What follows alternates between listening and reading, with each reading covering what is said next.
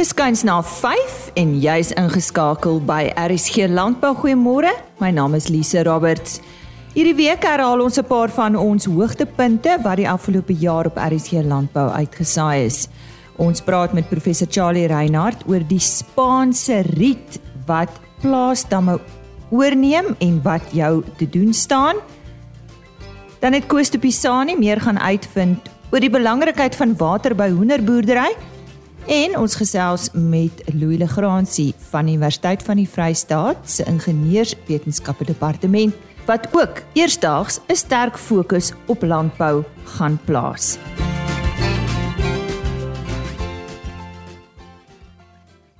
Ek het onlangs 'n navraag vanaf 'n luisteraar Andrei Olivier ontvang oor Spaanse riet wat plaasdamme oorneem. Hy soek raad. Ons het dit goed gedink om aan professor Charlie Reinhardt se deur te gaan klop. Hy is 'n professor in agronomie by die Noordwes Universiteit se Potch kampus, maar ook 'n navorsingsleier in 'n onkruidprogram by die Universiteit van Pretoria. Ja Charlie, wat is Spaanse riet en is dit die enigste rietsoort in Suid-Afrika? Ja, Spaanse riet weet nie presies hoekom hy sy naam het nie, maar hy is uitheems. In Suid-Afrika en hy kom natuurlik voor in Europa en Asië. So op 'n stadium vir een of ander rede het ons hom gekry. Nou interessantheid van Spaans riet is dat hy baie kan lyk soos twee inheemse rietsoorte wat ons het. Want dis die vletjiesriete. Phragmites, die wetenskaplike naam van vletjiesriet is Phragmites. Daar's twee spesies en Spaans riet is Arundodonax. So hulle is verskillende soorte plante. 'n uh, Goeie manier om tussen hulle te onderskei is dat Spaans riet vir een of ander rede wat ons nog nie verstaan nie, blom nie uh bokant 1000 meter bo seevlak nie. So as jy hom in blom wil sien, moet jy na die kus toe gaan, nader aan die kus toe gaan. Dan sal jy hom dalk in blom sien. En uh, hoekom ek dit noem is ons moet net eers seker maak waarmee ons werk. So as jy riete om 'n dam sien, ek wat soos ek ry uh, riete by damme opmerk van ver af kan jy nie eintlik onderskei tussen vletjies riet en Spaanse riet nie. So ek wil maar net noem dis die eerste ding wat 'n mens moet doen is om positiewe identifikasie te doen. Want jy sou kon redeneer daar's beter motivering om 'n uitheemse plantsoort uh op 'n drastiese wyse te beheer as wat daar sou wees om 'n inheemse plant te beheer.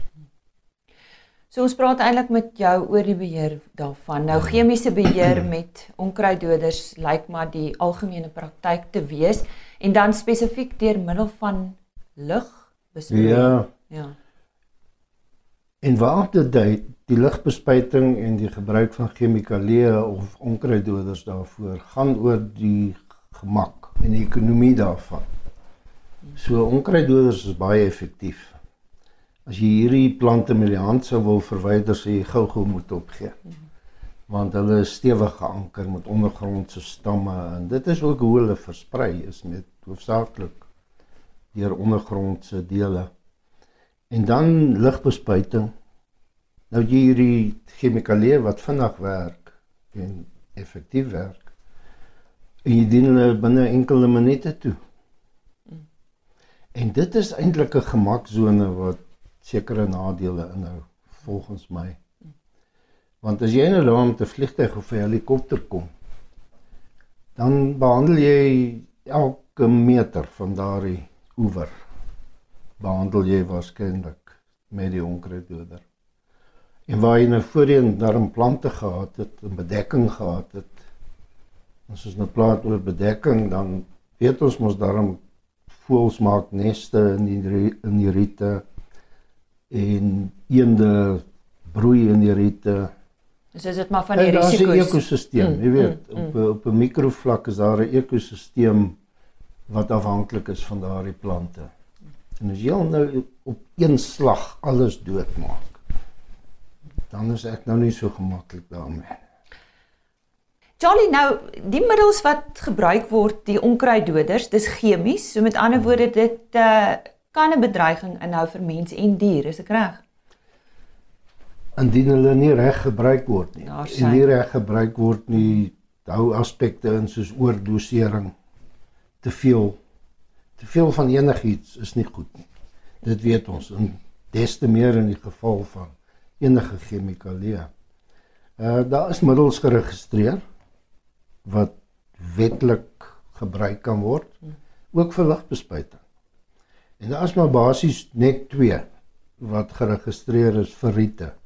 Beide die inheemse riet wat weliswaar probleme kan veroorsaak as hulle te dig groei. Soos in die oewers, uh, teen die oewers, maar ook in die beddings van riviere. Jy weet as daar skielik baie water afkom, dan kan dit vloede veroorsaak. Kan, kan die aangrensende dele oorvloed word met water. En uh so die inheemse soorte kan plek plek ook nodig wees om te beheer. Nou die middels wat gebruik word is glifosaat en dis die aktiewe bestanddele wat ek hier noem. Hulle is beskikbaar in die vorm van verskeidenheid van produkname. Maar glifosaat en dan imazapyr. Imazapyr. Nou glifosaat het nie 'n beduidende nawerking in die omgewing nie. En en nou stuur ek in die rigting van blootstelling van mense en diere en enige organisme aan hierdie middels sou hulle daar gebruik word want dit is 'n sensitiewe omgewing, né? As jy die riete spuit, dan beland die onkruiddoder ten minste gedeeltelik in die water. Uh en dit hou natuurlik risiko in want dis onkruiddoders effektief plantdoders En as jy nou sou besproei met daardie water en daar's genoeg van die middel in, dan kan die gewasse beskadig word. En dan oor toksisiteit. Jy weet as jy te veel sout inkry, te veel suiker inkry, dan raak dit ook toksies. Dan gaan alles oor die dosis. Nou gelukkig is daar 'n geweldige verdunningsfaktor. Uh waar jy nou hier aan die oewer spuit ehm um, relatief lae dosisse want hierdie middels is baie effektief. So jy hoef nie baie daarvan toe te dien om effek te hê nie. Uh maar nogtans, hulle kom in kontak met die water en jy wil nie hê hulle moet lank teenwoordig wees nie. Mm, mm. Want hoe langer iets teenwoordig is, hoe groter is die kans vir blootstelling van sensitiewe organismes daaraan. En ons wil dit vermy. So ons wil hê hierdie middels moet vinnig afbreek en net 'n effek op die plante hê, nie op ander organismes nie om jy af te sluit, so wat is belangrik hier? Hou by die voorgeskrewe ja, reëls. Ja, nommer nommer 1, gebruik net middels wat geregistreer is, wetlik geregistreer is. Hou by die aanbevole dosisse. En dan wil ek tog 'n versoek maak dat hoekom moet jy die plante 100% uitroei op een slag? Kan jy nie maar stuk stuk Jy weet jy wil toegang hê vir mense en diere tot damme. Die hengelaars wil daar uitkom. Die boer wil daar uitkom om sy waterpomp te gebruik. Sy vee moet daar drink.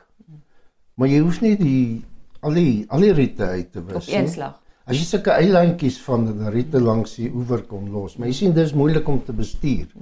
En ons mense is sleg met En dit vat tyd. En dit vat tyd ja. en dit vat geld. Daarom ja. kry 'n vliegtyg spuit dit binne 'n halfuur jy en jy dink jou probleem is opgelos, maar dink aan die nagevolge van so iets. Ja. Want die middels wat jy gebruik maak nie net riete dood nie, hulle gaan enigiets anders wat groen is in daardie omgewing ook dood maak. Nou ja, ek vertrou professor Charlie Reinhardt het Andre Olivier se vraag beantwoord oor die Spaanse riet. Professor Reinhardt is professor in agronomie by die Noordwes Universiteit se Potch kampus. Hy's ook 'n navorsingsleier in onkruid by die Universiteit van Pretoria. Bly ingeskakel want aan die einde van vandag se program sal ek ons kontakbesonderhede gee indien jy dalk ook 'n vraag het wat ons kan beantwoord. Koos Pisani het bietjie meer gaan uitvind oor die rol wat water speel by hoendervoeding. Daar is baie faktore in die hoenderboerdery wat soms misgekyk word. Voornemende hoenderboere besef nie altyd hoe belangrik die waterinname by hoenders is nie. Maar dis die mees noodsaaklike voedingsbron in die dier se dieet. Ek gesels met Johan Groblaar, die eienaar van Jan Adri Opleiding en Konsultasie 'n man wat jare se ervaring het en navorsing op die hoenderboerdery gedoen het. Jan, verduidelik net eers vir die luisteraars jou betrokkeheid in hierdie bedryf. Goeiemôre Koos en luisteraars. Baie dankie vir die geleentheid om met julle oor hoenders te gesels. So 'n bietjie agtergrond oor myself. Ek het op 1 April 1979 by die pluimvee afdeling van die Landbou Navorsingsraad by Irene begin werk. Ek het toe onmiddellik besef dat 'n hoender heeltemal verskil van ander plaasdiere en ek sal moet opleiding kry. In kort, ek het in 2000 my nasionale hoër diploma in pluimvee produksie bestuur by die Technikon van Pretoria verwerf. Dit was 'n baie intensiewe kursus. Ek was baie geseënd omdat ek by die LNR 'n broeiery gehanteer het en baie inheemse kuikens uitgebroei het. Verder het ek braaikuikens en inheemse kuikens grootgemaak. Ek het ook met lêne in batterye sowel as vryloophoenders gewerk. Ek kon toe die kennis wat ek teoreties geleer het omskep in die praktyk. In 2008 het ek ook my MTech graad by die Tshwane Universiteit van Tegnologie in Pretoria verwerf. Die navorsing wat ek gedoen het, was op die eierproduksie van die volgende inheemse rasse, naamlik die Potchefstroom Kokok, Ovambo en Kaalnek, wat ek vergelyk het met die wit uh Leghorn se produksie. Ek het op pensioen gegaan en my eie besigheid begin. Ek het verskeie hoenderkursusse vir landelike boere aangebied Tydens hierdie kursusse het ek waargeneem dat die grootste redes waarom hulle faal 'n tekort aan bestuursvermoë, rekordhouding en baie belangrik finansiële bestuur was. Jan, watter rol speel waterinname by die gesondheid van hoenders? Koos, eh, water het twee basiese funksies. Dit is 'n groot komponent vir metabolisme en dit versag die voer vir verteringsdoeleindes. Om 'n praktiese voorbeeld te noem, ons het op 'n stadium kykens gehad wat konstipasie gehad het en die mis het uh agter aan hulle vasgesit. Ons het probeer om dit af te haal, maar dit het die darmsameling uitgetrek en die kykens het dood gegaan. Ons het toe die volgende kykens wat geplaas was, eers vir 2 ure net water gegee voordat ons voer gegee het. Die probleem het net daar gestop. Verder is water ook verantwoordelik vir die vervoer van voedingsstowwe, suurstof en hormone in die liggaam, sowel as die verwydering van afvalstowwe en koolsuurgas uit die liggaam. Om die erns van water te verstaan, moet ons besef dat 'n dagoud kuiken 85% water het en 'n 32 weke oue leghorn het 55% water. Indien die kuiken of hoender 10% van sy water verloor deur dehydrasie, sal die kuiken glad nie kan groei of die hen eiers kan lê nie. Indien hulle 20% dehydreer, sal hulle waarskynlik doodgaan. Ek het die geval gehad terwyl ek my proewe gedoen het waar daar eendag was waar uh, daar 'n groot daling in eierproduksie was in een van die rasse. Ek het ondersoek gaan instel en gevind dat daar 'n blokkade was van die waterbak. Uh niemand het dit agtergekom nie. Ek het dit herstel en na 2 dae was die produksie weer reg. Net so terloops, jy moet altyd rekordhouding doen. Wat gebeur as 'n hoender te veel of te min water ingeneem het? Welkos indien 'n hoender te veel water drink, veral as dit warm is, sal die wateruitskeiding deur middel van die feses sowel as die uitskeiding van vog vanaf die longe baie hoog wees. 'n Hoender kan nie sweet nie en neem vog uit die liggaam om af te koel. Beide die feses en vog het 'n groot invloed op die beddegoed van die huis. Gewoonlik lei nat beddegoed tot die opbou van ammoniak.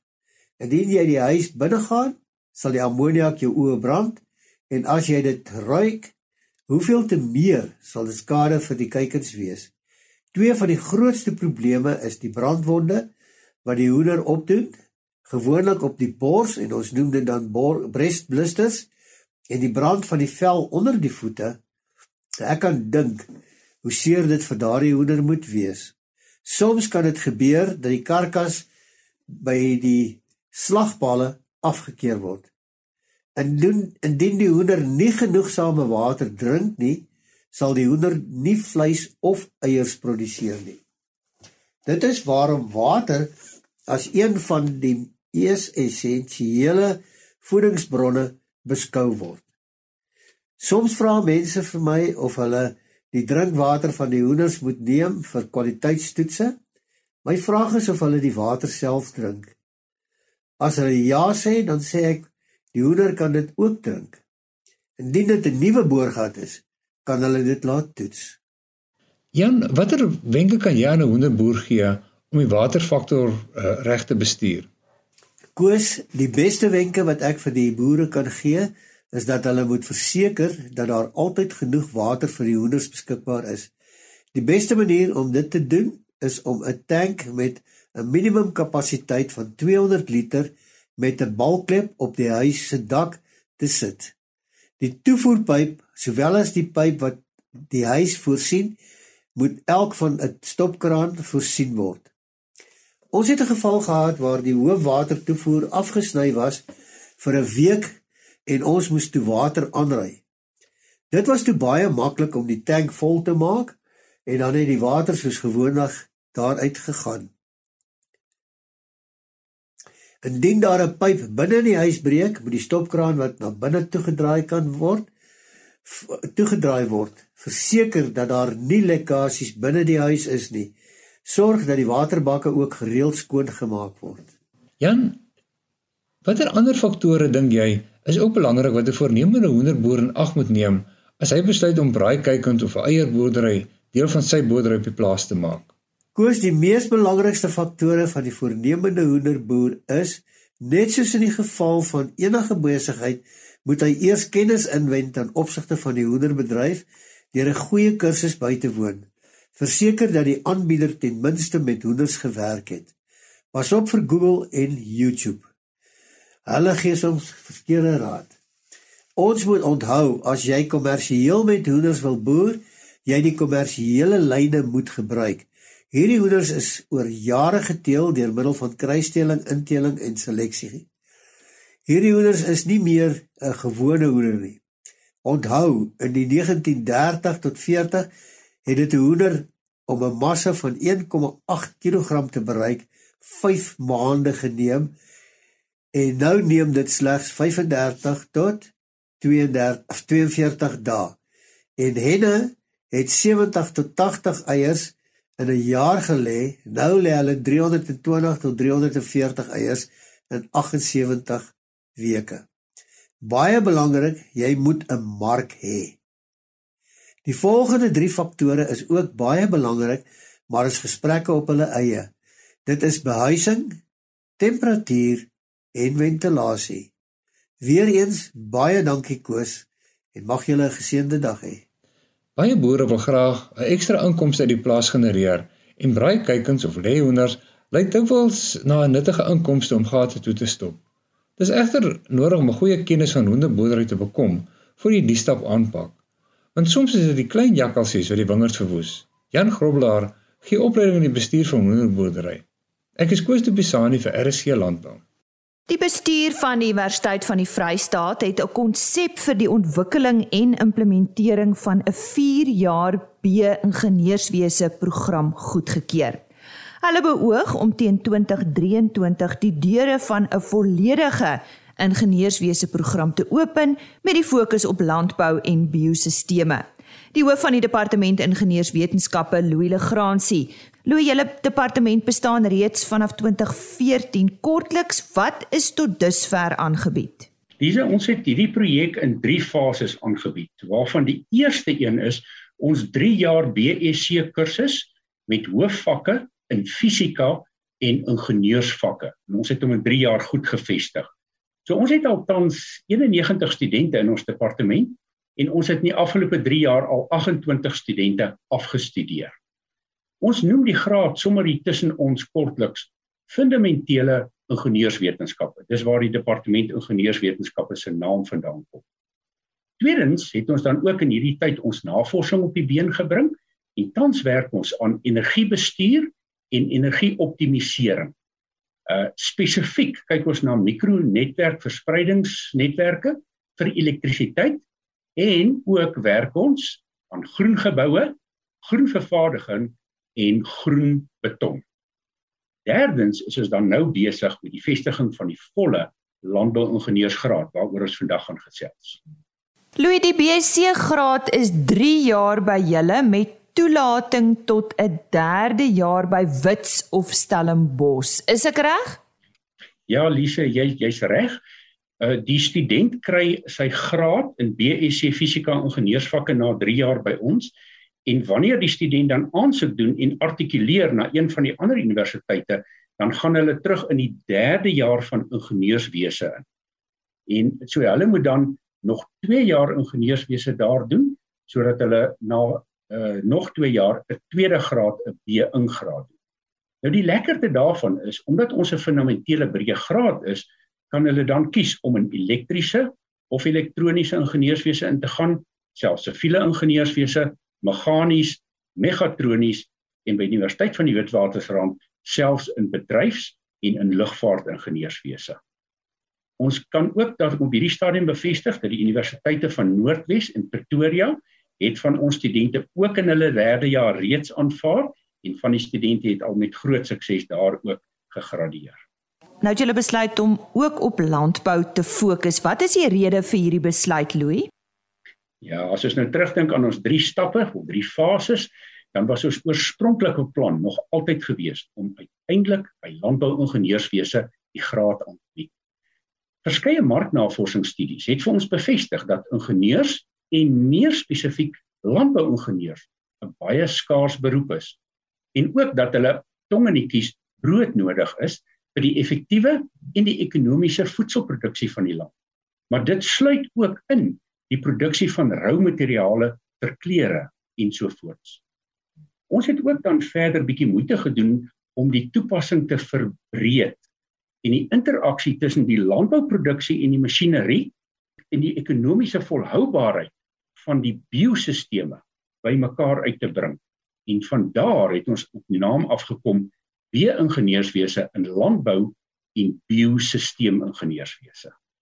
En so vul die Universiteit van die Vrystaat dan ook 'n baie belangrike leemte vir die universiteit vir die land sowel op streeks as op nasionale vlak. Verduidelik bietjie vir ons hoe gaan dit nou presies werk?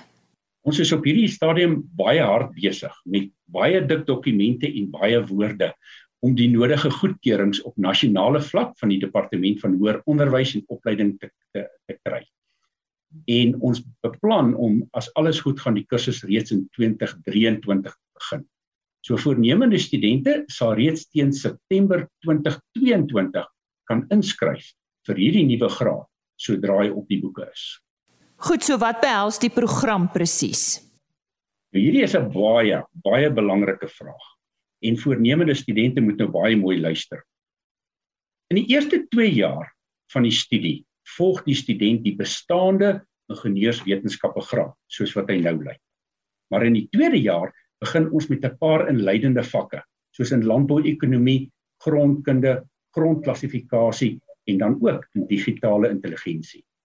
En dan in die derde en die vierde jaar fokus ons op goeie behoorlike ingenieurstudies en ons uh doen die areas van digitale ingenieurswese, dis nou landbou landbou 5.0 vir presisiebestuur en robotika, tweedens struktuuringenieurswese, derdens energie-ingenieurswese. Dit sluit in trekkers, implemente en alternatiewe energie. Dan vierdens hidroliese ingenieurswese en dit strek vanaf hidrologie, waterafloopbeheerbeplanning, plaasdamme en eindig by besproeiing en dreinering. En nommer 5 omgewingsbiosisteme. Daar bespreek ons goed soos dierebehuising, kweekhuise, hidroponika, aquaponika en sulke dergelike dinge. Dan bied ons iets baie unieks aan. Die student kan in die 3de en 4de jaar meer spesialisvakke neem in een van vier moontlike rigtings. Die eerste een in voedselprosesering en fabrieksontwerp op plaasvlak. Tweedens in kweekhuise. Derdens in gewasbestuur, dit sluit nou somer, wintergewasse en oliesade in en dalk in diereproduksie. Hierse hierdie is 'n baie vol program, soos enige ingenieursprogram maar vol is. Louis, is daar al inligting hieroor beskikbaar of wanneer kan ons daarna uitsien? Hierse ons is baie baie lus om die inligting bekend te maak en daar's baie detail beskikbaar. Maar ons sal dit eers kan bekend maak wanneer ons sekere finale goedkeurings en magtiging wat ons die graad wel kan aanbied vanaf die nasionale owerhede ontvang het. So ons sit reg dat as daardie pistool afgaan, dan gaan ons hardloop daarmee. So mense kan verseker wees, ons gaan die boodskap dadelik begin versprei sodra ons mag en belangstellings hier kan julle die Universiteit van die Vrystaat se spasie dophou. Hier gaan groot goeders gebeur in die landbou en in die toekoms van Suid-Afrikaanse landbou. En so sê Louis Legrand, hy is hoof van die departement landbou-ingenieurswetenskappe by die Universiteit van die Vrystaat. Dis dan vandag se RSC landbouprogram. Baie dankie dat jy by ons aangesluit het. Ons e-posadres rsglandbou@plaasmedia.co.za. Van my Lise Roberts. Wonderlike dag vir jou verder. Tot môreoggend, selfde tyd, selfde plek, net hier op RSG en dit is RSG Landbou. Totsiens. RSG Landbou is 'n plaas media produksie met regisseur en aanbieder Lize Roberts en tegniese ondersteuning deur Jolande Rooi.